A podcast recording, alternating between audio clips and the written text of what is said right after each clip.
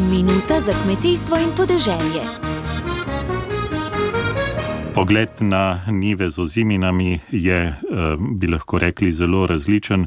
Imamo zelo lepe posevke, tam pa, kjer je na nivah stala voda, je kar hudo. No, eh, naš gost v naslednjih minutah je magister Jože Mohar iz seminarske hiše Agrosat. Lepo pozdravljeni. Dobro dan, sem poslušalcem in poslušalkam Radio Ognišče. Kako vi vidite stanje? Verjamem, da zelo opazujete, ko se vozite po Sloveniji. E, tako je, zima je marsikje pustila kar negativne posledice, sploh posevki žit, ki so bili posejani pozno ali mogoče malo na silo v jesenskem času, to pomeni v novembru, v premokrih razmerah, to se pravi, da so bila tla preveč slačena ali slabo obdelana, vidimo, da marsikaj zastaja voda. Pač tam, kjer je dalj časa zastala voda, so te vzemine brez dvoma propadle, so se pač zadušile. Vidimo pa tudi na določenih površinah, ki so bile slabo pripravljene, oziroma na ozarah, ni da tako rečem, ker je več obračanja, več tlačanja, da uh, pšenice nečmeni rumenijo, kar je znak, da seveda manjka v tleh kisika in uh, se pač rastline. Eh, da ne rečem, dušijo, eh, ker pač eh, ni možnosti normalnega dihanja. In brez dvoma na teh površinah, ki so slabo ocedne ali preveč potlačene, lahko pričakujemo izpad pridelka oziroma sklope žit, ki, so, ki bodo verjetno iz zime išli preslabi. Mhm.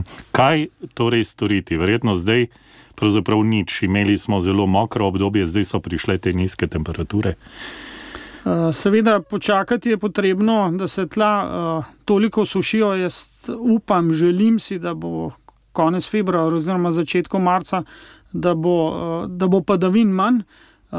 Ko, pač, ko se tla osušijo, seveda gremo lahko na tla. Prvi od takih ukrepov je seveda česanje, kjer so tla zaskorjena. Česanjem pač spustimo vsaj v vrhni del. Tal nekaj zraka, to seveda izredno koristi koreninam in uh, ponavadi žita, rečemo, kar zadihajo, oziroma vidimo, kako začnejo z rastjo.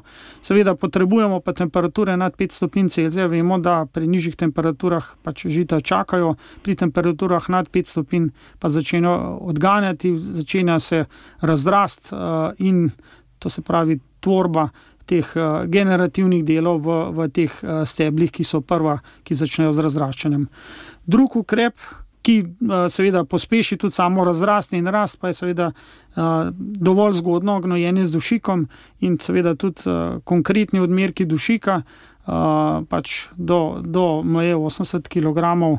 Uh, največ v enkratnem odmerku, ampak zgodnost tega gnojenja z dušikom, z njim pač sploh pri kompenzacijskih tipih rastlin, kot so določene pšenice, in tudi pri ječmenih spodbudimo in tritikali razrast, dodatno razrast, kar pomeni kasneje večje pridelke.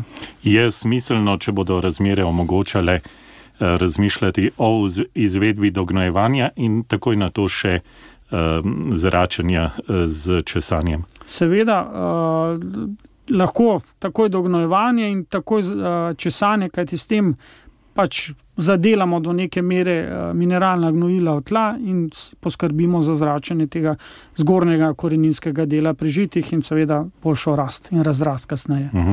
Če so razmere take, da je propadlo večina posevka, pa verjetno ni dobro razmišljati o dosejavanju, ampak novi setvi. Uh, res je. Problem dosejavanja prežitih praktično odpade, ker vemo, da jarine uh, zorijo za ozeminami vsaj 14 dni ali včasih tudi več, in potem ne pride do te tako imenovane sin sinhronizacije pri, pri žetvi. Se pravi, jarina je še zelena, nedozorela, ozemina je že prezrela. Tako da posevki, ki so zelo slabi, uh, mi svetujemo, da se jih pač uniči preseje z jarinami, z jarinami pa vemo, pač sejemo, koliko hitro se da, kajti z zgodnostjo setve, kar je pač možno, vplivamo tudi na sam pridelek jarin. Seme jarin je na voljo. Tako je, pšenice, čmeni, jara tritikala, vse je, vse je na voljo in je treba pohiteti setvijo in nabavo semena, dokler je seme na voljo, kajti zgodno setvijo delamo pri jarinah pridelek. Hvala lepa za vse te nasvete, lep dan vam želim. Hvala za povabilo v vašo oddajo in lep dan vsem poslušalkam in poslušalcem Radio Ognišče. Dobro se je zavedati, kmetijstvo nas vse preživlja.